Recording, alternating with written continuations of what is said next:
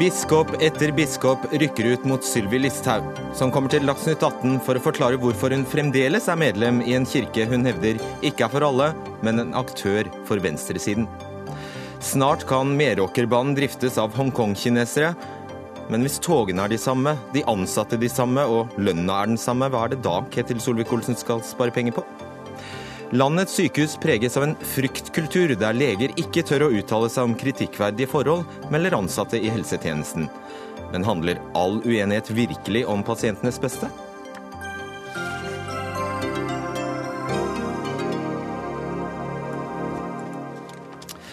Og holder du deg ved radioen eller TV-en den neste timen, får du også mye mer. God kveld ønsket seg av Fredrik Solvang. Tabloid, karikert, usaklig. Ja, slik har Borgvin og Bjørgvin-biskopene betegnet Sylvi Listhaugs tidligere utfall mot en kirke gjennomsyret av sosialisme. Når høringsfristen for innstrammingsforslagene nærmer seg, melder nok en biskop seg på med ramsalt kritikk av innvandrings- og integreringsministeren i et eget høringssvar. Det handler om menneskeverd, hevder Listhaugs egen mørebisp. Og da smeller det tilbake fra deg, Sylvi Listhaug, at kirken ikke er for alle, men en aktør for venstresiden. Det sier du til VG. Du må utdype. Ja, jeg ønsker jo at kirka skal være folkekirke for alle, der man kan komme sammen i tro, ha ulike politiske meninger, men da finne sammen i et eh, fellesskap der man skal eh, dyrke troa si. Istedenfor så har dessverre biskopene bidratt til at kirka blir mer og mer politisk. De har gått inn i mange forskjellige politiske saker. Det gjelder ikke bare innvandring. De, hatt, eh, altså de mener at det skal være høyere skatter, de vil ha nei til oljeboring, behandling av statsbudsjettet begynte de å blande seg inn i. Mange ting. Og jeg syns det er helt greit hvis han ønsker å være en politisk aktør dersom man da kommer opp med løsninger. For det er sånn at Når du er politiker, så er du nødt til å tenke langsiktig. Du må tenke på samfunnets beste. Det du etterlyser, at de, at de bare beskriver problemene og ikke kommer med løsninger?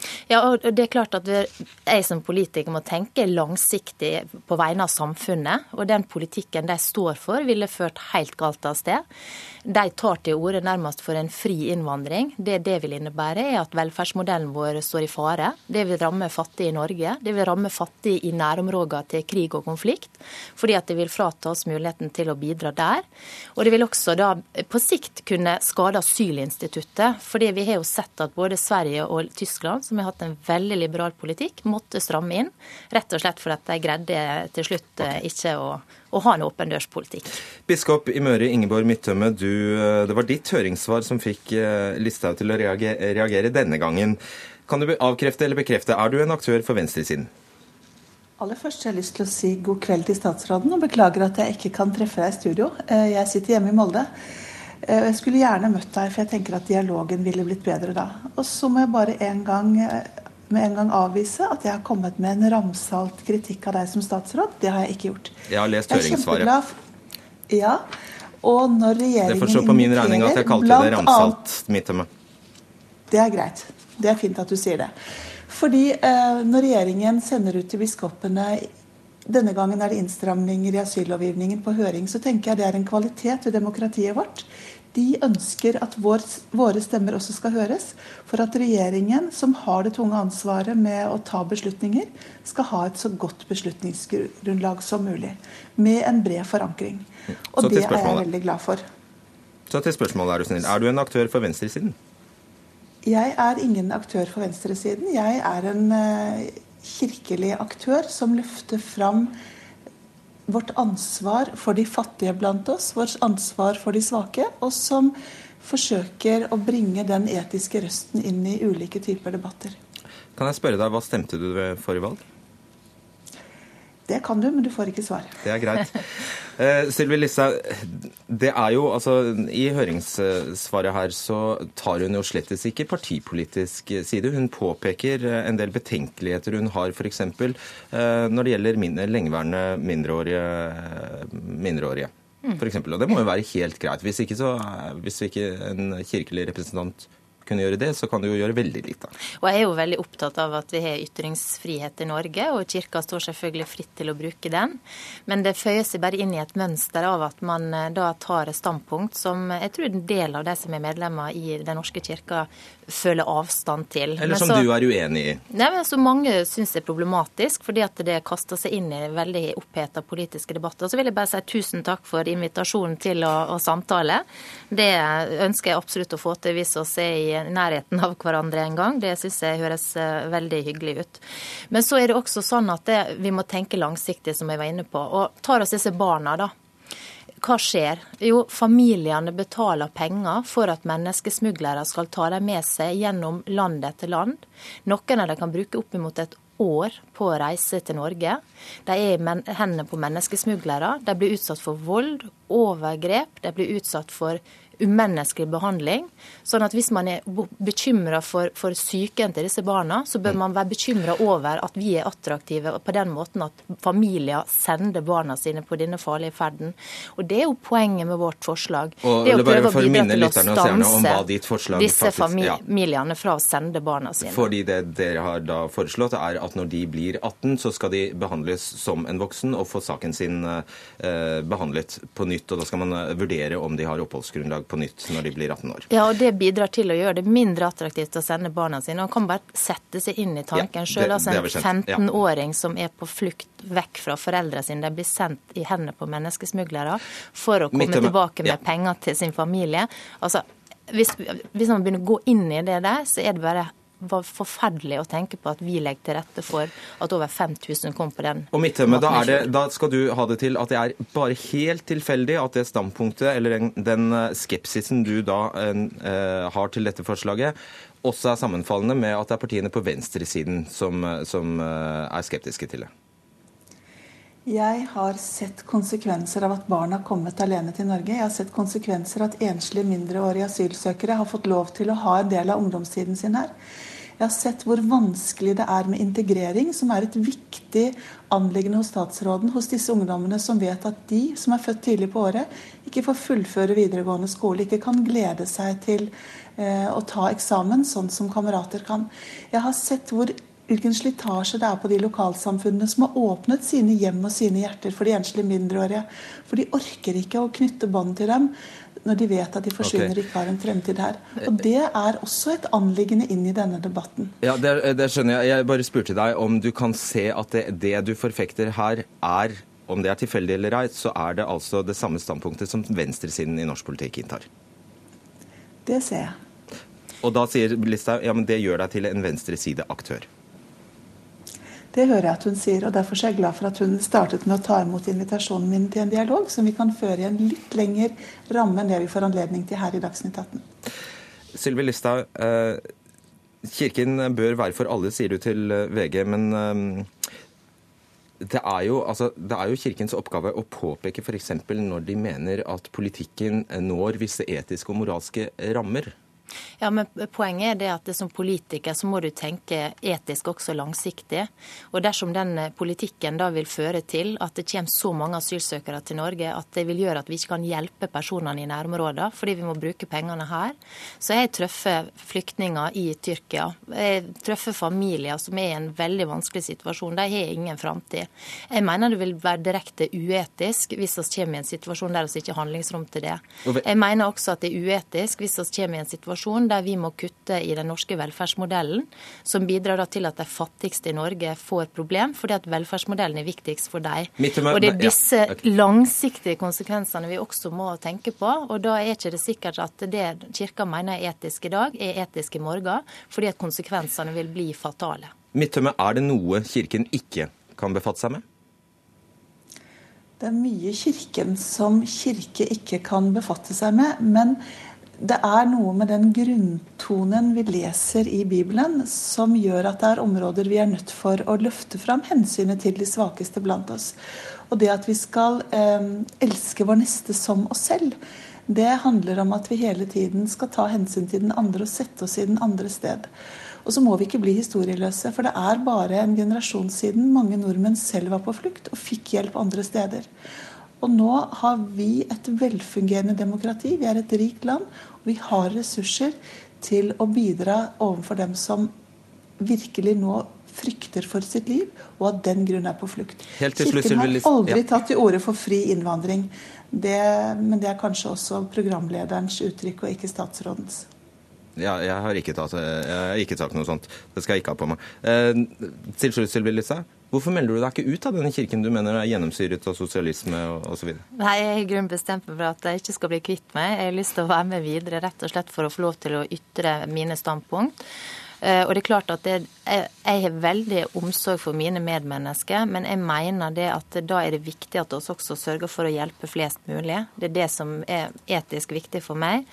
Og så tenker jeg at når Kirka også har starta å diskutere f.eks. høyere skatter, så må det være noe som er langt utenfor det Kirka skal drive med. Det er bare ett av mange eksempler. Så jeg håper jo biskopene framover legger an en annen eh, holdning i en del spørsmål, altså kanskje la være å kaste seg inn som en politisk aktør. Og jeg er veldig glad for at veldig mange menigheter rundt om i Norge har en annen holdning, at, at man er liksom mer inkluderende enn det kanskje norske biskoper er. Så jeg, ja, jeg ja, håper på det beste for folkekirka i framtida. Takk skal dere ha. Biskop i Møre, Ingeborg Midtømme og Sylvi Listhaug. Dagsnytt 18 alle hverdager klokka 18.00 på NRK P2 og NRK2.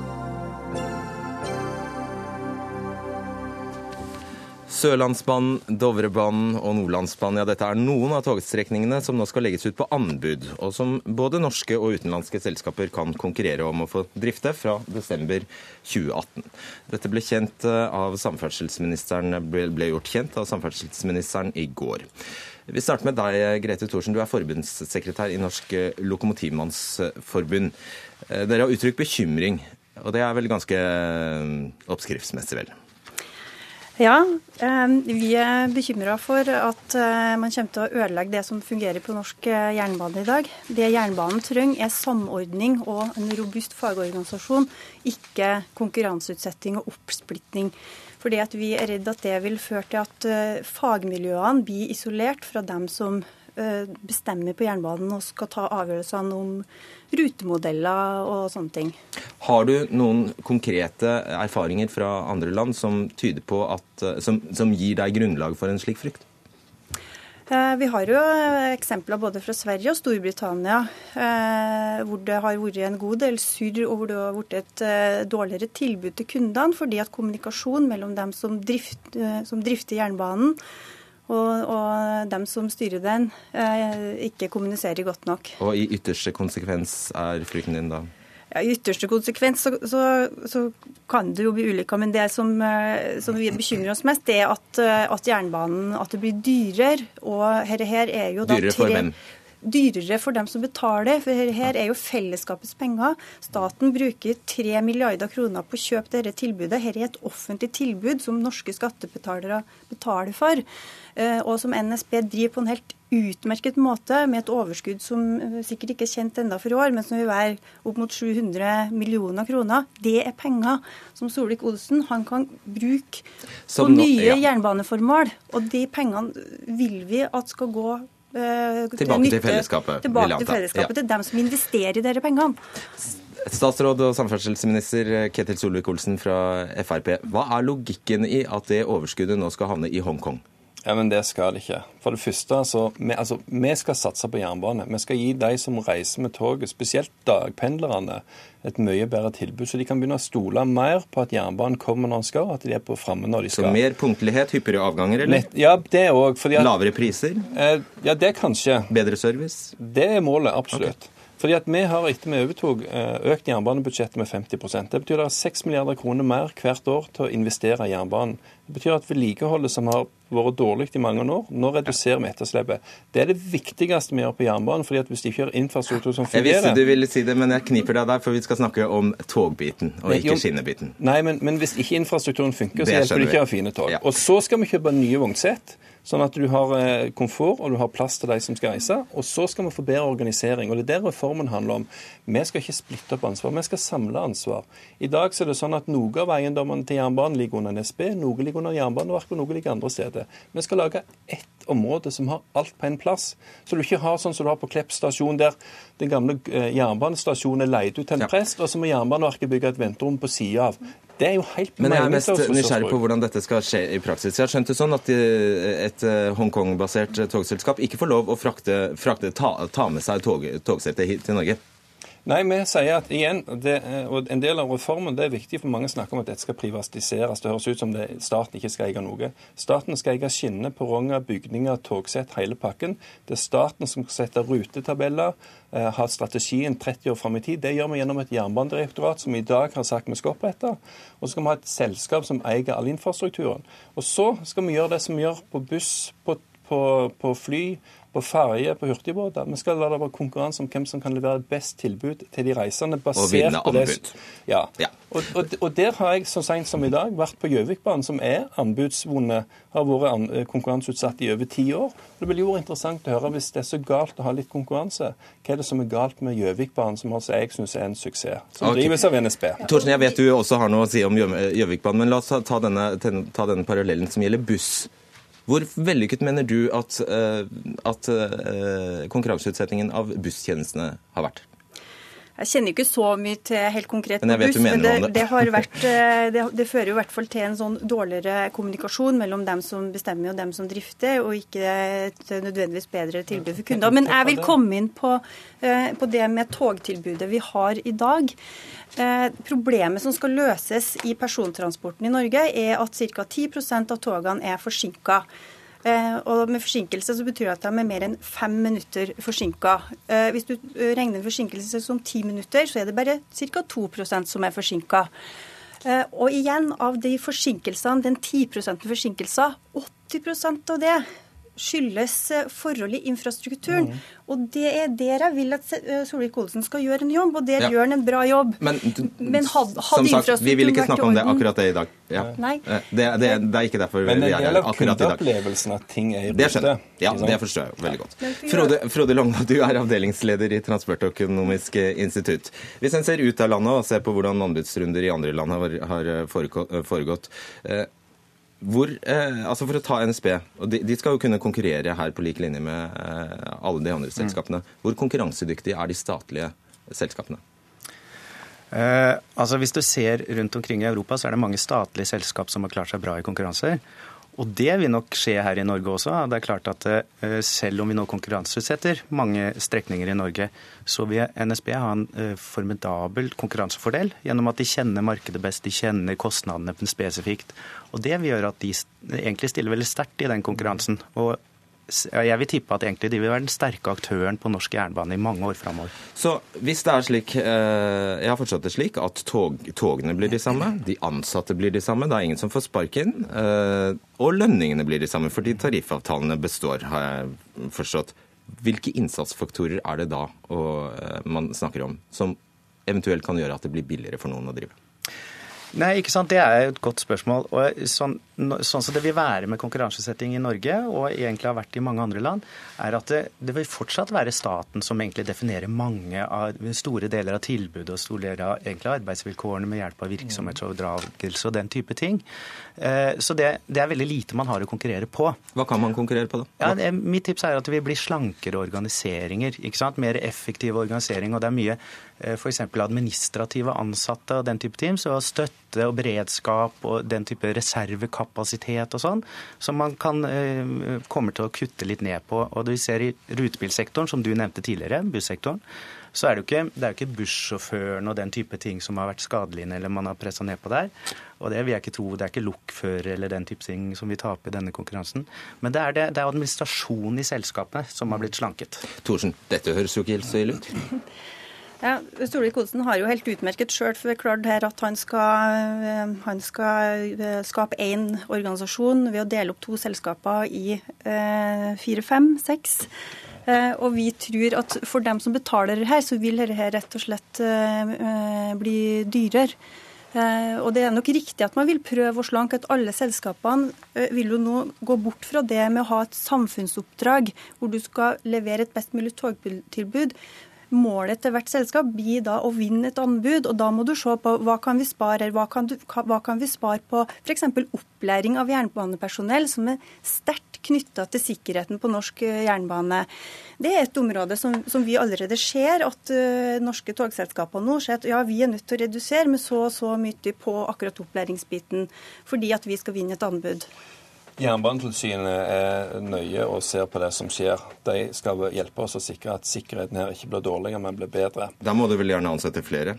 Nei, Det er ikke nødvendigvis hvor mange du ansetter som er poenget, men det er ikke kompetanse i det. Der har du raske okay. beslutninger. Så poenget er at når vi kjørte Gjøvikbanen i dag, så var det nettopp for å lære. Den, eh, den strekningen har vært konkurranseutsatt i over ti år. De har gjort seg en del erfaringer. De har gjort seg erfaringer med at de har raskere beslutningsprosesser. De har mer fokus på kunden.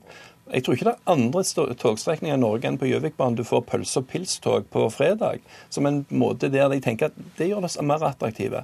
Og Istedenfor å tenke at du skal vinne konkurranse med å kutte lønn til de ansatte, hvilken bedrift er det som gjør det? Du får jo ikke kompetansefolk med å kutte lønna deres. Det du heller må gjøre, det er å tenke på hvordan klarer vi å gjøre jernbanen mer Jeg tror det kalles markedsøkonomi. Altså. Nei, for markedsøkonomi handler også om å få flere kunder. Det er jo kundene som betaler lønna til folk. Vi må sørge for at jernbanen blir mer attraktiv, så flere av de som i dag kjører bil, heller stoler på at toget okay. både punktlig, har kundeservice, eh, har vognsett og har et tilbud som gjør at vet du hva, jeg vil heller sitte på toget og være på Facebook på iPaden min enn å sitte i bilkø og stange og ikke få gjort noen ting. Okay. Det er den tilnærmingen vi har. Det er den type ledelse vi skal ha. Og Det er der, det er Gjøvikbanen sier at dette får vi til i Gjøvikbanen fordi man må kortere beslutningsprosesser, mindre organisasjoner, Skjønner. enn du har i store ja. selskap. Longa til slutt, gi oss fasit. Har staten i andre land spart penger på konkurranseutsetting? Ja, altså hvis vi ser på sånne erfaringer utover i Europa, så kan du si det er to ting man kan si. og det er at Du enten har fått eh, samme tilbud til billigere pris, eller du har fått eh, bedre tilbud til samme pris. Mm. Eh, det er på en måte sånn i hovedsak. Så fins det variasjoner og det fins noen uheldige bivirkninger på ulike måter å gjøre det på. Men eh, generelt sett så har staten spart penger på å konkurranseutsette driften. Ok. Vil du feste en ti sekunders kommentar til det på slutten? Jeg vil si at uh, Når det gjelder Gjøvikbanen, så har jo NSB persontog hatt en større suksess og større vekst enn den konkurranseutsatte Gjøvikbanen. Selv om selvfølgelig Gjøvikbanen også er en suksess, så har NSB persontog gjort det bedre pga.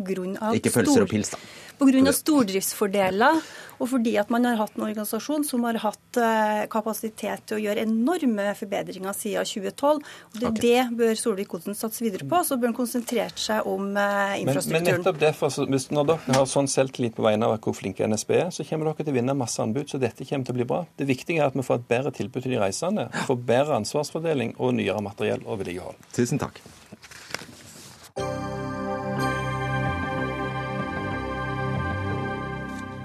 I løpet av de siste ukene har den ene legen etter den andre gått ut i mediene og fortalt om tilfeller der de mener de er blitt motarbeidet og kneblet av ledelsessjiktet ved flere norske sykehus.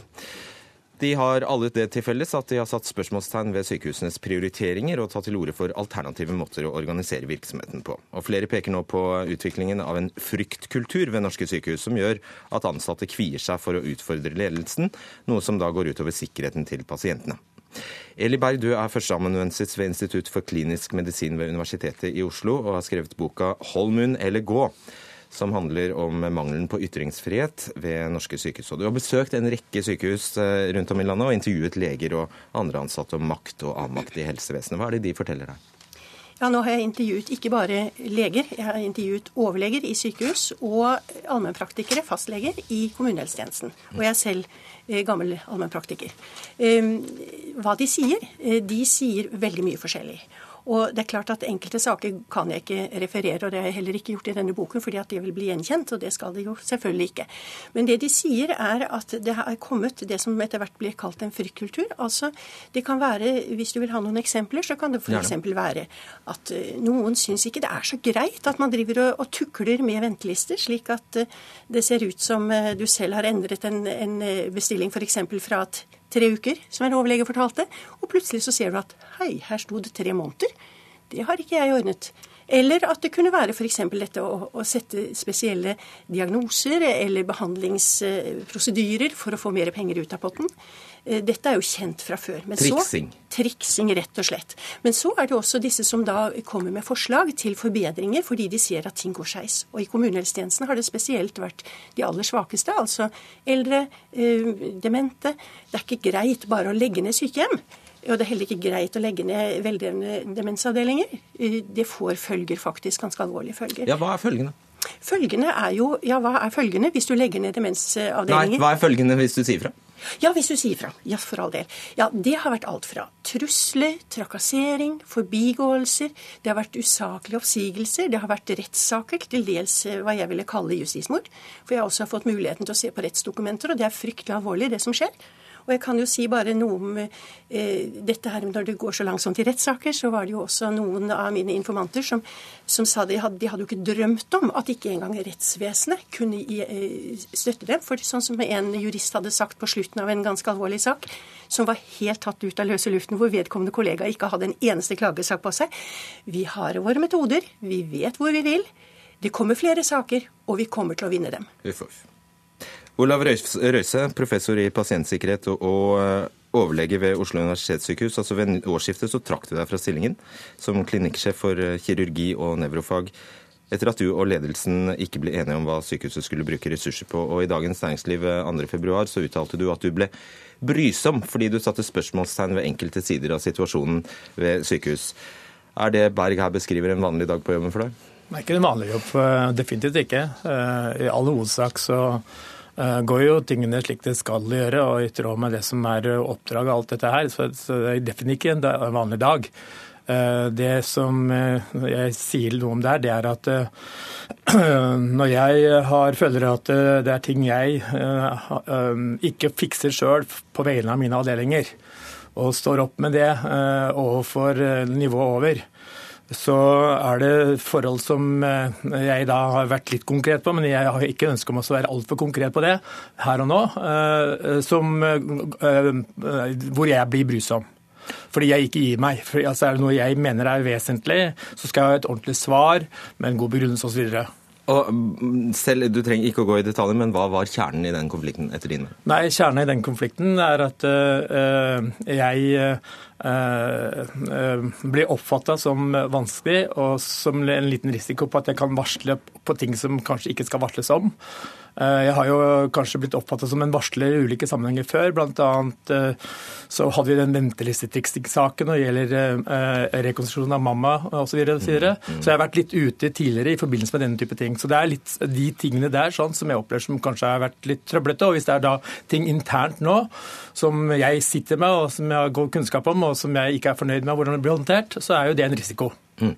Så til uh, mulige årsaksforklaringer her. Altså, I 2002 ble da helseforetakene innført, og staten overtok ansvaret for sykehusene fra fylkeskommunene. Uh, og denne helsereformen har blitt kritisert for å ha innført styringsprinsipper, organisasjonsmodeller og økonomiprinsipper i tråd med det næringslivet benytter seg av. Hvor stor del av det du uh, beskriver, Elleberg, mener du kan tilskrives denne reformen? Veldig mye. Eh, det er blitt en helt kulturendring. Altså Hvis vi prøver å lage offentlig sektor over til en lineær produksjonsbedrift, når det egentlig handler om kompliserte, kunnskapstunge, problemløsende, relasjonelle institusjoner. Det var en lang greie. Men altså, vi forholder oss til mennesker. Eh, vi skal løse problemer og være en tung faglig tyngde. Det får ikke lov å utfolde seg sånn som det gjorde før. Det, det, det Men alle beslutninger ble vel ikke foretatt demokrati, gjennom demokratiske prosesser før 2012? Det er ut fra faglige forutsetninger. Altså det er det, som er det problematiske nå, at det er ikke de faglige eh, siktemålene som får lov å dominere, men det er faktisk bunnlinje. Og det er også en top down styringsideologi. I USA kaller det vel hard HR, hvis det er riktig ille. Og noen steder i Norge er det det. Og da vil jeg bare legge til også at noe av det som eh, kom fram eh, gjennom det prosjektet som jeg har, jeg har reist rundt i Norge, da, så var det det mest skremmende var jo også at tillitsvalgte, som jo er da representanter som får legge frem ting for sine medkolleger, de ble ganske alvorlig trakassert. Til dels med trusler om oppsigelse, og det foregår saker som jeg var borti da i 2014, som fortsatt fortsatt går. Mm. Eh, og til slutt, eh, altså, eh, Røise. Går dette utover sikkerheten til pasienten? Ja, det gjør det. fordi eh, Vi vet jo at basert på undersøkelser fra andre land at anslagsvis ca. 2000 kanskje dør av hendelser, feil, hos oss i Norge. Og vi har tall som egentlig indikerer at kanskje tallet er enda større i Norge. Eh, så dette går utover eh, pasientene fordi eh, det er ulike grunner til det. Det ene er jo at når du får en fryktkultur, så det er ofte i den så er det så er lukkethet. Det blir ofte dårlig med arbeidsmiljø. Det Man baksnakker hverandre. Og det igjen er med og gir utrygghet. Man tør ikke være åpen på tingene. Det er dette du ser av dette. Og dette har konsekvenser for hvordan man opptrer i ulike kliniske situasjoner. Og det er det som er frykten og faren. Og med hånda på hjertet så kan du si at det er ingen av de bekymringene som eh, du, du nevner nå, som egentlig handler om noe annet, som f.eks. handler om lønnskamp eller ren og skjær uenighet om organisering eller eh, profesjonskamp? Nei, dette handler om faktisk en kultur som man på en måte blir sosialisert til. Og det er veldig snikende og veldig mange ulike greier som er årsak til dette. Noe går på at medisinere er innmari flinke og alt dette her, og at det er vanskelig å vise at man har noen høl. Eh, det andre er at eh, det å eksempelvis være samvittighetsfull eh, som ny lege og så ta en jobb Du føler at du, egentlig, du har, du har arbeidssted i slutt, mm. men du gjør en jobb for å avhjelpe en pasient. Og det når du da i første sving får avslag på når du skrev overtid Altså det, det, begynner der, og du tør ikke å ta det opp. Dette er mekanismene som sosialiserer folk til noe som vi ikke ønsker oss. Så her er det en kulturkamp, og det også blir ja, og helt til slutt, vi får nå inn av døra, kommer straks administrerende direktør i Oslo universitetssykehus, Berg. Eh, er det noen, eh, Du trenger ikke å gå i detaljer der heller, men er det, er det noe du kan si om eh, det du har funnet ut fra det sykehuset? Jeg kommer ikke til å si verken hvilke Nei. saker det er, hvilke personer eller hvilke steder det har vært. Men jeg må få lov å si én ting eh, til slutt, kanskje. Og det er at det, det som var mitt anliggende, det var å reise rundt for å høre hvordan folk hadde reagert på det de hadde erfart. Og det var veldig alvorlig. Noen går med eh, rak nakke, heldigvis, og er i jobb. Noen ble uføretrygdet i altfor ung alder, aldeles urimelig. Og noen var på kanten av å ta sitt eget liv. Noen har rømt landet. Jeg sier tusen takk til, eh, til, dere i denne omgang, Olav Røise og Eli Berg. Som sagt, inn av døra her kommer nå Bjørn Erikstein, administrerende direktør i Oslo universitetssykehus. Ehm, du er altså, du blant mange, er eh, beskyldt for å kneble og skape frykt i sykehussektoren. Bidrar du til å skape frykt, Erikstein? Nei. Det gjør jeg ikke. Vi har en strategi som sier at vi skal ha et arbeidsmiljø preget av åpenhet og respekt. Det er, det er, bare si... fraser, da. Nei, det er ikke det. Det er lov å si fra i dette sykehuset. Det er lov å ytre seg i media. Det er lov å skrive i avisen. Det er ikke snakk om noen represalier i så henseende. Sånn at eh, jeg kjenner meg ikke igjen i det. Jeg har diskutert dette også med tillitsvalgte. og de er helt enig i at det er ingen generell fryktkultur i Oslo universitetssykehus, men vi er enige om at det kan være ukultur, arbeidskonflikter og selvfølgelig da frykt knyttet opp til dette i noen miljøer. Var det helt gresk det du hørte her, da? Nei, men, eh, men, det er klart at det er en sammenblanding av flere forhold. Én ting er sikkerheten for pasientene, som vi er primært opptatt av, og god kvalitet på behandling, og at vi gir den beste behandlingen. Det er det vi er opptatt av. Og så Er det klart at altså, er vi et gammelt sykehus med en del dårlig bygningsmasse som faktisk da kan utfordre dette med sikkerheten. og Det er vi klar over. Og det klarer vi ikke å få ryddet opp i på én dag. Der må vi planlegge og bruke litt tid. Hvor mange lag med ledere har du under deg på det verste? Ja, det er fire-fem. Ikke seks, f.eks.? Jo, det kan være seks i enkelte. Noen få enheter så kan det være det. Kan det, eh, kan det, være problematisk? Det kan sikkert være problematisk. Vi har jobbet med dette med ledelse, med stedlig ledelse, og vi har ryddet opp ganske mye i det. Eh, og jeg er også ganske mye ute og snakker med folk. Helt ute på det man kaller gulvet. De som jobber med pasienter, eller jobber med ting som har med pasienter å gjøre. Og jeg opplever jo frimodige, flinke, interesserte mennesker som er engasjert i det arbeidet de har tatt på seg. Det, kan det ligge noe, noe, som helst i at økonomisk målstyring eh, fører til at eh, dem under deg da må, må holde kjeft for at dette skal gå i hop? Altså det, altså det, primære er jo at vi evner å, å, gi pasientene det de har behov for, først og fremst. Eh, og så har vi selvfølgelig et budsjett som vi må forholde oss til, akkurat som man har i andre bransjer. Og det er klart at det kan være utfordrende, for det er ikke alltid pengene strekker til. Og det innrømmer jeg også. Hva er, din, ja, Hva er din hovedforklaring da på at Berg kan komme til et sånt funn? At det er en utbredt oppfatning at det hersker en slik kultur, og at det er knebling på gang? Altså jeg, som sagt så kjenner ikke jeg meg igjen i det som et sånt generelt uh, fenomen, men jeg sier ikke at ikke det finnes miljøer, situasjoner hvor det er faglig uenighet, hvor det er diskusjon mellom overordnet og underordnet, og hvor det er frykt for at man ikke skal få jobb videre osv. Det vi skal gjøre, er å forsøke å få en oversikt over dette. Det har jeg, en, har diskutert med tillitsvalgte. Og så skal vi gjøre noe med det. For vi ønsker ikke å ha det sånn i vårt sykehus hvis det er eh, veldig utbredt. Kan du vinne den omdømmekampen noen gang? egentlig? Nei, det, skal, det, det, er ikke så viktig. Det viktigste er at vi jobber Nei, det med det. At vi har det viktigste, en... Men kan du det? Nei, det, det, det, det, tror jeg ikke. Nei. Det tror jeg faktisk ikke. Men jeg tror det er viktig at vi har det på agendaen, at vi tør å snakke om det. Og når vi tør å snakke om det, så er det faktisk mulig å gjøre noe med det også, mener jeg da. Mm. Eh, halvparten av alle sykehus, halvparten faktisk av alle sykehusledere er på vikariater. Kan du med hånda på hjertet si at en, eh, en, som, en på vikariat som da har sagt ifra, aldri har mistet vikariatet pga. det? Altså det, det, kan ikke jeg garantere. Du sier, det, det, altså det vil, alltid være, vil alltid være historier, og det skal ikke jeg underslå. Men jeg ønsker ikke dette. og jeg, Vi har en arbeidsmiljøuke, og jeg snakket for, uh, sist år på, uh, på et, i et stort møte og sa at leger i spesialisering som går vikariater, må også si fra. Og det er ikke sånn at det skal på en måte føre til at ikke de får jobb videre. Det må være andre årsaker til det. Vi får høre, Jeg håper de hørte på Dagsnytt 18 i kveld. da. Vi får håpe det. Takk skal du ha, Bjørn Erikstad.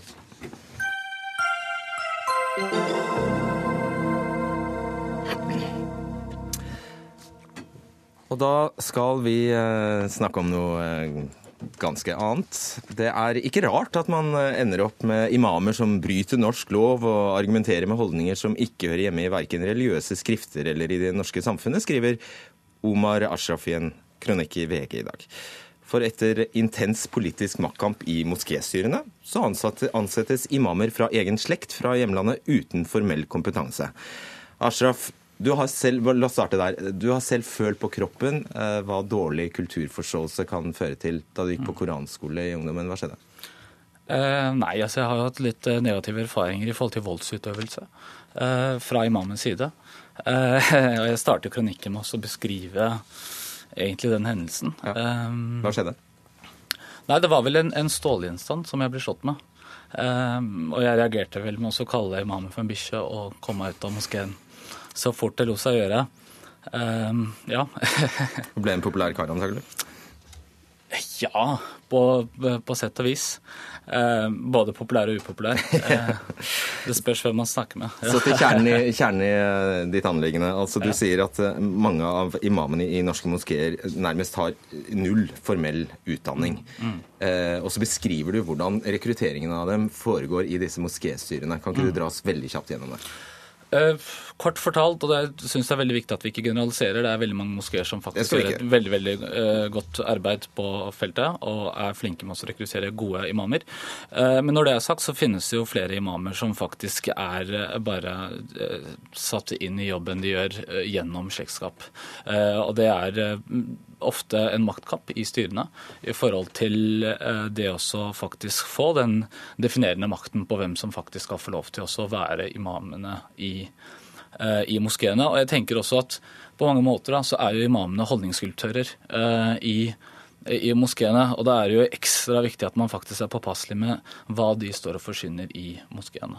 Det betyr vel ikke automatisk at du er en elendig imam bare fordi du er i slekt med noen? Det er ikke det som er poenget? Nei, det er ikke det som er poenget i det hele tatt. Jeg tror at veldig mange imamer er rekruttert fra landsbyene, er rekruttert gjennom slektskap.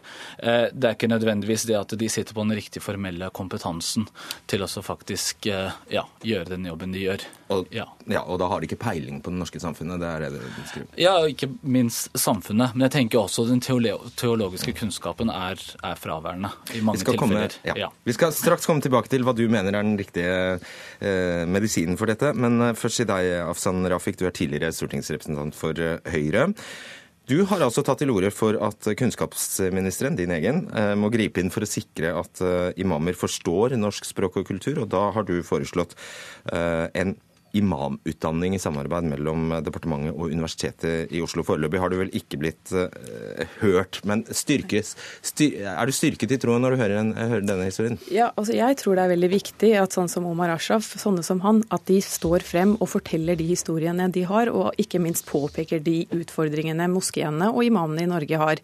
Uh, og jeg tror det er veldig viktig at denne debatten nå settes på dagsorden. Jeg har snakket om dette i mange, mange år. Jeg har også prøvd å få min egen regjering til å se på spesielt to tiltak. og det går på dette med, altså Vi må både tenke kortsiktig og langsiktig. Altså De kortsiktige, kortsiktige tiltaket her er jo alle de imamene som allerede er i Norge. Og der tenker jeg at man skal ha obligatorisk norskopplæring med samfunnskunnskap. Med en gang en imam lander i Norge, så skal han gjennom en norskopplæring med samfunnskunnskap som gjør han bedre rustet til å være en imam i det norske samfunnet. Og så er det dette med denne teologiske utfordringen. altså det kunnskapen, Den teologiske kunnskapen den må jo hver eneste myndig, altså menighet her i Norge sørge for at de altså at de har kompetent imam. Eh, og det, det, Jeg ser problemstillingen, men der er det et veldig stort ansvar som påhviler da moskeene. Og så er det det andre forslaget mitt som går på dette med at i, på, det, på, lang sikt så trenger vi en imamutdanning, en norsk imamutdanning. Hvis vi vil forebygge terrorisme, hvis vi vil forebygge rekruttering til ekstremistiske miljøer, så er vi nødt til å se på hvordan kan en norsk imamutdanning eh, komme, eh, komme på plass i Norge. Og, Hovedsakelig så bekrefter du altså den situasjonsbeskrivelsen som eh, Ashraf kommer med. Mm. ikke sant? Eh, du har, litt, eh, du har, et annet forslag til løsning. Du snakker om å bruke gulrot. Hva helt konkret er det du Nei, jeg, tenker på? Jeg tenker jo at man, man, bør gi noen insentiver til at faktisk imamene på lik linje som resten av norsk arbeidsliv altså, bare, Hvis man skal sammenligne med norsk arbeidsliv, da, så har jo hvis, hvis, du tar deg eller tilegner deg kompetanse, så, så går du opp i, i, i grad gradene. Eh, du får et høyere lønnstrinn? Ja, høyere lønnstrinn. ikke sant? Eh, og det er jo det jeg ønsker, er jo at man klarer også å bygge opp en struktur hvor man faktisk klarer også å gi eh, imamene en gulrot i, i, den forstand. I form av lønn? I form av lønn, i form av goder, i form av uh, mulighet til å holde taler før, før id-bønn. Jeg syns at det ikke skal være bare en rett som bare gis til imamene. Jeg personlig har en erfaring med at jeg var i uh, Norges største moské uh, litt tilbake Eh, og da hadde jeg opplevd at imamen hadde ikke så veldig eh, en veldig fin retorikk i forhold til kristne og jøder f.eks. Og jeg var der sammen med faktisk en dokumentarfilmskaper. Eh, så opplevelsen ble jo faktisk også filmet. Og det er jo litt hårreisende å se at den type retorikk faktisk føres ut mot eh, mot massene, eller mot samfunnet sånn generelt, eller mot muslimene som besøker moskeen. Eh, bare veldig kort, Syns du dette høres ut som altså, imamer på en slags, en slags statlig lønnstabell? Kan det være en idé? Ja, altså, jeg tenker både dette med status, altså at det å være imam gir en status, og det, dette med utdanning i Norge, det er jo viktig i den sammenheng. Og så er det dette med at ja, lønn, det får du jo i dag også. Altså Menigheten de får jo lønn i dag òg. Men jeg tror også dette som Omar Ashafer påpeker i forhold til kunnskapsnivået deres, det er det vi må sette fokus på, tenker jeg. Det at de blir så godt rustet, slik at de kan veilede mennesker riktig i det norske samfunnet. Og der har vi en utfordring. Og jeg jeg tenker sånn at Hvis vi skal bekjempe terrorisme, som jeg sa tidligere også, så er det både å jobbe forebyggende og målrettet i forhold til de miljøene som allerede har kommet på plass her i Norge. Nettopp. Ashraf, og det er da du eh, altså, etterlyser imamer som, som uh, forkynner den uh, islam du hevder majoriteten her i landet egentlig bekjenner seg til, altså en, mm. det du kaller en fredselskende og toleranseorientert uh, mm. islam. Men mm. så vet vi vel egentlig at bare om lag halvparten av Norges muslimer i det hele tatt gidder å gå i moskeen igjen, så du vil jo kanskje ikke treffe de som faktisk er de du vil treffe da, med et sånt tiltak? Jeg tror du vil finne de fleste muslimene i moskeene på høytidene, i hvert fall. Eh, sånn at jeg tror at eh, det er eh, fortsatt stor fare for at en liten eh, tale på, før en idbun faktisk kan slå feil og kan trigge feil. Men du blir ikke ekstremist av å høre, høre en tale? Nei, det gjør du ikke. Men jeg tenker også at det er eh, jo det sterkeste våpenet vi har i dag, er vel kanskje moskeene og, og, og imamene. Eh, samtidig vil jeg bare snike inn en liten ting her, og det er faktisk at vi ønsket jo faktisk å ha med Islamsk Råd Norge her i dag. Vi at. Ja, og, og, jeg syns at det er litt eh, kjedelig at de uteblir. Ja, De sa de ikke at, kunne komme. Ja, Men det er, det er, en oppfordring til dem faktisk, ikke sant, å ta til seg akkurat denne ja. tematikken. her. Superkort. Ja. superkort. Jeg, jeg tror det er så utrolig viktig at vi har gode imamer i Norge. Det er så viktig at de deltar i den samfunnsdebatten vi har gående stadig i forhold til terrorisme, i forhold til islam, og der er de totalt fraværende. Og jeg tror det er veldig synd, fordi alle stemmene må frem i et demokrati, i ytringsfrihetens navn, så er det veldig viktig at vi alle deltar. Og der er de religiøse lederne, spesielt i forhold til den islamske, muslimske siden, totalt fraværende. Og der er det en jobb å gjøre. ja, i stor grad. Men de få vi har, de, de er også De bestemmer altså de, Jeg kan jo bekrefte at vi, det er nesten umulig å få imamen til å stille opp i Dagsnytt 18, i hvert fall. Men det er supert at dere kommer. Takk skal dere ha, Omar Sharif og Afshan Rafiq. Hør Dagsnytt 18 når du vil. Radio NRK Radio.nrk.no.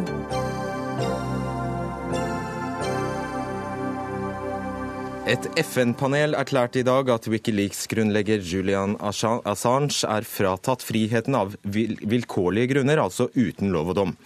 FNs arbeidsgruppe om vilkårlige arrestasjoner, forkortet UNWGAD, har ingen formell innflytelse over britiske eller svenske myndigheter, men legger et politisk press på partene. Assange har vært vilkårlig frihetsberøvet av Sverige og Storbritannia siden han ble pågrepet i London 2010.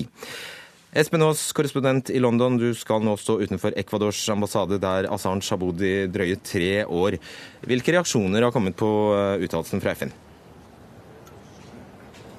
Ja, Den er jo mildt sagt forskjellig eh, ut fra hvorvidt du snakker med folks, eh, folk fra Assange-team, eller om du snakker med britiske myndigheter. På pressekonferansen til Assange og advokatene hans i dag så gikk de nøye gjennom nærmest hvert eneste ord, hvert eneste komma i denne konklusjonen fra dette FN-panelet, som de mener da viser at Assange burde få lov til å gå ut fra denne ambassaden her rett ved Varus og Harrods i, London sentrum og få igjen passet sitt. Mens altså Storbritannias utenriksminister, altså en av de absolutt viktigste ministerne i regjeringen, han kalte det hele for latterlig. Eh, og da er det jo egentlig slik at Assange har sagt at dersom FN kom til den, eller dette FN-panelet kom til den konklusjonen de faktisk gjorde, så ville han kreve passet sitt tilbake, og han ville, ville forlate ambassaden. Men det har han altså ikke gjort. Nei, og historiefortellingen ble kanskje ikke helt som planlagt. Eh, vi i pressen fikk jo en innkalling i går til en pressekonferanse hvor vi fikk vite at eh, Julian Assange selv skulle være til stede, hvor de skulle presentere disse konklusjonene. Men så lakk jo denne konklusjonen ut i mediene ganske tidlig i går, og det ble kommentert fra både britisk regjering og fra svensk regjering, og de sa at vi kommer til å pågripe deg uansett. Og foran denne ambassaden her i London så har det jo eh, inntil nylig vært døgnkontinuerlig bevåkning bevoktning av eh, politi. Men fordi dette kostet da britene etter hvert over 100 millioner kroner, så tok de politivaktene vekk. Men de kom raskt tilbake nå, i tilfelle Julian Assange hadde pakket kofferten for å gå. Men han blir der. Han åpnet døren her tidligere i dag og, og gikk ut, og gjentok for så vidt mye av det som han gjentok via videolink til oss på pressekonferansen i dag, hvor han fordømte konklusjonene mer eller mindre fra Storbritannia og Sverige. Vi skal, bare, vi skal nå bare høre et veldig kort eh, kutt med Julian Assange. Uh, there has been a final decision. Uh, there is no ability to appeal uh, the decision of the United Nations. Uh, the lawfulness of my detention or otherwise is now a matter of settled law. Ja, Geir Ulfstein, professor i offentlig rett ved Universitetet i Oslo. Julian Assange sier her altså at det finnes ingen ankemuligheter. Dette er nå juridisk bindende. Stemmer det? Ja, Det er riktig at det ikke finnes noen ankemuligheter, men eh, det er eh, ikke riktig at det er juridisk bindende. Så eh, dette, Denne FN-komiteen den behandler jo saker i forhold til de internasjonale menneskerettighetene, og de er bindende. Men denne komiteen er ingen domstol, i motsetning f.eks. til Den europeiske menneskerettighetsdomstolen, som avsier dommer. Så kan denne komiteen bare komme med uttalelser, så det er ikke rettslig bindende. Og Det betyr at uh, Sverige og Storbritannia da, altså det som har skjedd, Jeg skal bare opplyse veldig raskt. Det som har skjedd, er at Julian Assange har blitt anklaget for seksuelle overgrep uh, i Sverige. Etterforskningen pågår der. Storbritannias høyesterett har sagt at han kan utleveres til Sverige. Det er i korte trekk det som har eh, skjedd. Og så er frykten hans selvfølgelig at han hvis han blir tatt i Sverige, så vil USA eh, huke tak i han. Eh, hvordan tolker du de britiske reaksjonene? Har de bare tenkt å gi helt blaffen i et FN-panel? Ja, Dilemmaet nå er jo at uh, britisk politi kan ikke gå inn, og han kan ikke gå ut. Sånn at, eh, at uh, det, der står uh, saken. Selvsagt så, så, skal man legge stor vekt på det FN-panelet kommer med. Og Det gjelder både britiske domstoler, og det gjelder svenske domstoler, og det gjelder uh, britiske myndigheter uh, mer generelt. Uh, men han kommer ikke ut i og med dette her. Han får større oppmerksomhet og, og, og mer støtte, mer politisk støtte. Men, eh, og, og, dette kan eh, tas opp i andre FN-organer, f.eks. FNs eh, menneskerettighetsråd. Sånn at det, det kan være at, at, noen bruker dette her til å øke det politiske presset på, på Storbritannia. Men er det da virkelig Espen Aas, slik at et prominent FN-medlem, sikkerhetsrådsmedlem endog, som Storbritannia, kan føyse av en FN-komité og komme helskinnet ut av det? Ja, Det gjenstår å se. Det er jo det advokatene til Assange mener at de ikke kan gjøre, eh, og mener at det viser en sånn arroganse at nå er det jo opp til enhver eh, diktaturstat å begynne å oppføre seg slik som Storbritannia og Sverige gjør. Det er i hvert fall ordene han eh, brukte på fra vinduet her i dag. Så mens Storbritannia og Sverige prøver å gjøre dette FN-organet så lite og så uviktig som mulig, så prøver altså Assange og støttespillerne hans til å gjøre det så viktig som mulig, få mest mulig blest om det. Og de valgte jo litt av en dag å gjøre dette på. I går var jo hele verden nærmest samlet her pga. den store giverkonferansen til Syria. Så sprakk denne nyheten, og eh, byen var jo full av medier som nå bare har blitt igjen denne dagen. Og på den pressekonferansen i dag var det jo knapt eh, plass til et menneske til, så mange var til stede. Og utenfor ambassaden her i dag også har det jo vært et eh, folkehav, både av støttespillere, men også medier fra ethvert verdenshjørne. Så han har i hvert fall fått mer oppmerksomhet enn på lang, lang tid. Og uh, Ulfstein, du er også kritisk til selve sammensetningen av panelet, og du er også kritisk til rapporten de har kommet fram til? Jeg er ikke kritisk til, til sammensetningen på panelet, men jeg sier at det er ikke en domstol. Det er det ene. Og det andre er at den begrunnelsen begrunnelsen de gir, er heller ikke veldig overbevisende. De går ikke inn på hva er det Storbritannia og, og, Sverige skal gjøre når det er en person som er mistenkt for eh, seksuelle overgrep. Eh, hvordan skal de gå fram? Er det sånn at personer bare kan søke tilflukt i ambassaden? Og hva er det som er spesielt med Assange i den sammenhengen? Da sier vi tusen takk til dere. Dette er jo litt av en føljetong. Takk skal dere ha, Geir Ulfstein og Espen Aas.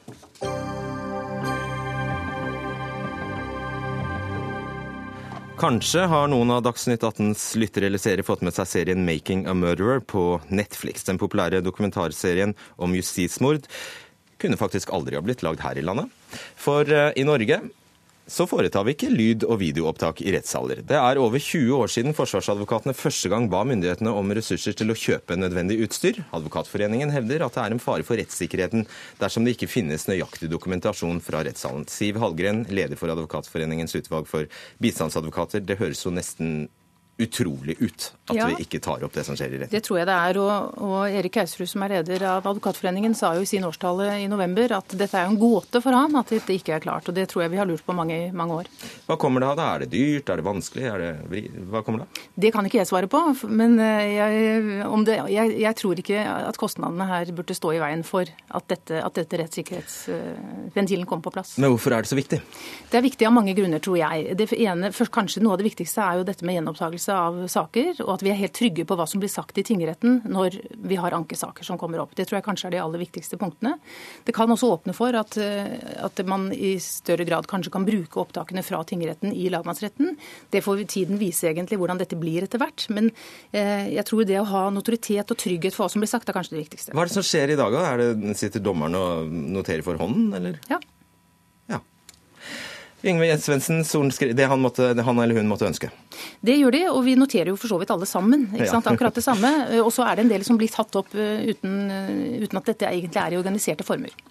Yngve Svendsen, du er sorenskriver i Kristiansand. og Domstoladministrasjonen besluttet faktisk i 2014 at det skulle gjennomføres en gjennomgang av sentrale problemstillinger ved opptak i retten. Og den arbeidsgruppa den ledet du. Eh, hva kom dere fram til? Ja, vi kom frem til eh, at det er utilfredsstillende dagens ordning, der man ikke har noen sikker dokumentasjon for hva tiltalte parter og vitner har forklart for retten. Eh, vi eh, ser jo når vi snakker med utenlandske domstoljurister, enten det er dommere eller advokater, så har de problemer med å forstå at vår ordning kan være forsvarlig. Det å bruke ressurser på å sikre dokumentasjon for hva folk har forklart for retten, anser de som en selvfølge. Er den forsvarlig? Den er eh, etter mitt skjønn uakseptabel, eh, bl.a. særlig av hensyn til rettssikkerheten. Det å eh, få vite sikkert hva parter, tiltalt vitne har forklart for retten, det er veldig viktig. Eh, blant annet så kan man legge til grunn at eh, som et utgangspunkt så er en forklaring som avgis på et tidlig tidspunkt, eh, den er riktigere enn en forklaring som avgis senere. og Derfor så er det viktig å vite hva som er sagt i tingretten, også når en sak er anka til lagmannsretten. Så hovedgrunnen da til at vi ikke tar det opp her? Det tror jeg har å gjøre med kostnader. Hvor mye koster det? Eh, vi foretok i vår arbeidsgruppe en vurdering, og vi vurderte flere forskjellige alternativer. Det alternativet som vi til slutt anbefalte, det hadde en investeringskostnad på 129 millioner, og i årene etter det så vil det være utgifter til drift.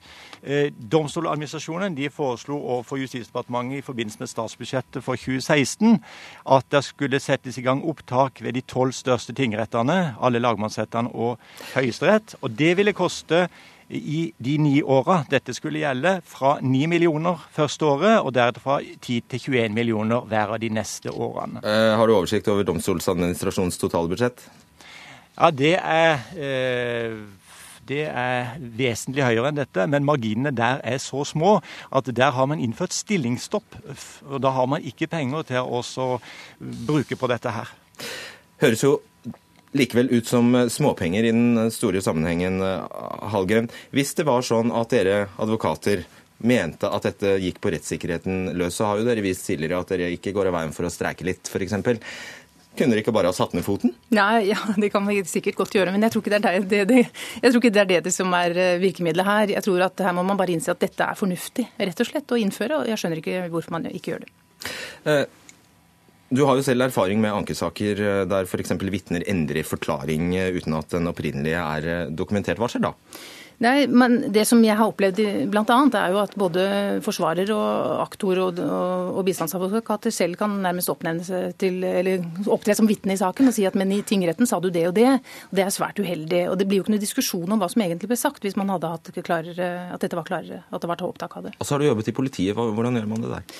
I politiet i dag så er det jo annerledes enn da jeg var der for 20 år siden. og det, I dag så er det jo i stor grad så er det opptak av, av avhør, både med bilde- og lydavhør. og i hvert fall lyd. Og det er klart at Her også har man en klar forbedring fra, fra tidligere, det er jeg helt sikker på. Svendsen, et webkamera, hva koster det? 100 kroner? Altså Dette kan jo ikke være, det, kan jo, det høres nesten for utrolig ut til at det skal være finansieringen eh, det står på? Ja, det er jeg enig i. Eh, jeg syns at de kostnadene som er avdekka, de, eh, de, er egentlig et billig beløp i forhold til å sikre bedre rettssikkerhet for Norges befolkning. Og Da må jeg nesten stille deg samme spørsmål som jeg stilte Hallgren. Hvis du hadde ment dette så sterkt, Hvorfor har du ikke gjort noe med det? Vi har jo gjort noe med det, da. Ja, men det har ikke skjedd. Nei, men det er jo eh, opp til politikerne å akseptere at vi har politikere som bestemmer. Noe som er pussig, er at Stortinget for mer enn ti år siden vedtok at det skulle tas opptak av parts- og vitneforklaringer i sivile tvistesaker, men samtidig så bestemte de at man kunne la være når retten ikke hadde tilgjengelig nødvendig utstyr for opptak. Og siden det samme Stortinget enda ikke har bevilget midler til slikt nødvendig utstyr for opptak, så har det enda ikke kunnet bli noe av disse opptakene. Og i ytterste konsekvens så er det vel slik at dette faktisk kan føre til eh, justismord. Det trenger vel bare å vise til Fritz eh, Moen og Per Liland-sakene. Ja, eller snarere kanskje at man fikk faktisk oppklart noen av disse sakene nettopp ved hjelp av at det var tatt opptak. og Det viser jo viktigheten av det. var det jeg mente, ja. Mm, jeg antok det. Eh, bare minn oss om hva som skjedde i de to sakene. Altså, I, i Lilland-saken så var det Sten Ekeroth som tok opptak, og som man sannsynligvis i stor grad hadde mulighet til å bruke, eller som man brukte senere, mm. som, som, viste hva som egentlig var lagt til grunn av det som var. Eh, og jeg tror at eh, i mange saker, eller Jeg opplever jo stadig både tiltalte og, og, fornærmede som sier at når de leser dommen, så sier de at det var ikke slik det var. Det var ikke dette jeg forklarte. Jeg forstår ikke dette, hvordan de egentlig kan ha lagt dette til grunn. Og jeg tror at med, en, med den dokumentasjonen så hadde vi vært tydeligere, hadde dommene blir tydeligere og klarere også. En annen sak er jo også det med, det med, lag, altså med lagmannens belæring i, i lagmannsretten. Det er også viktig å kunne dokumentere den. I dag må man jo be om at den protokolleres. Hvis det hadde vært gjennomgående opptak av det, så hadde det vært mye bedre. Og mye enklere. Betydelig. Yngve Sensen, dere får starte kronerulling eller et eller annet? da? Ja, det kan jo se ut som at det blir nødvendig. Hvilket, eh, hvor står denne saken politisk? For jeg har skjønt det sånn at uh, pengesekken er knipet igjen hos uh, Justisdepartementet? Ja, men det er åpnet for et prøveprosjekt eh, i år i domstolene som det er bevilget hele to millioner kroner til. Man kommer ikke langt med det, men en liten begynnelse er det kanskje. Et prøveprosjekt med opptak? Ja. Wow. Det er på et par domstoler, det er ikke mye. Nei. Ok. Takk skal dere ha, Yngve Svendsen og Siv Hallgren. Dere fikk eh, avslutte denne Dagsnytt 18-sendingen, som også er den siste denne uka. Det var Ida Tune Øresland som var ansvarlig for den. I teknikken satt Frode Thorshaug, og i studio Fredrik Solvang. God helg.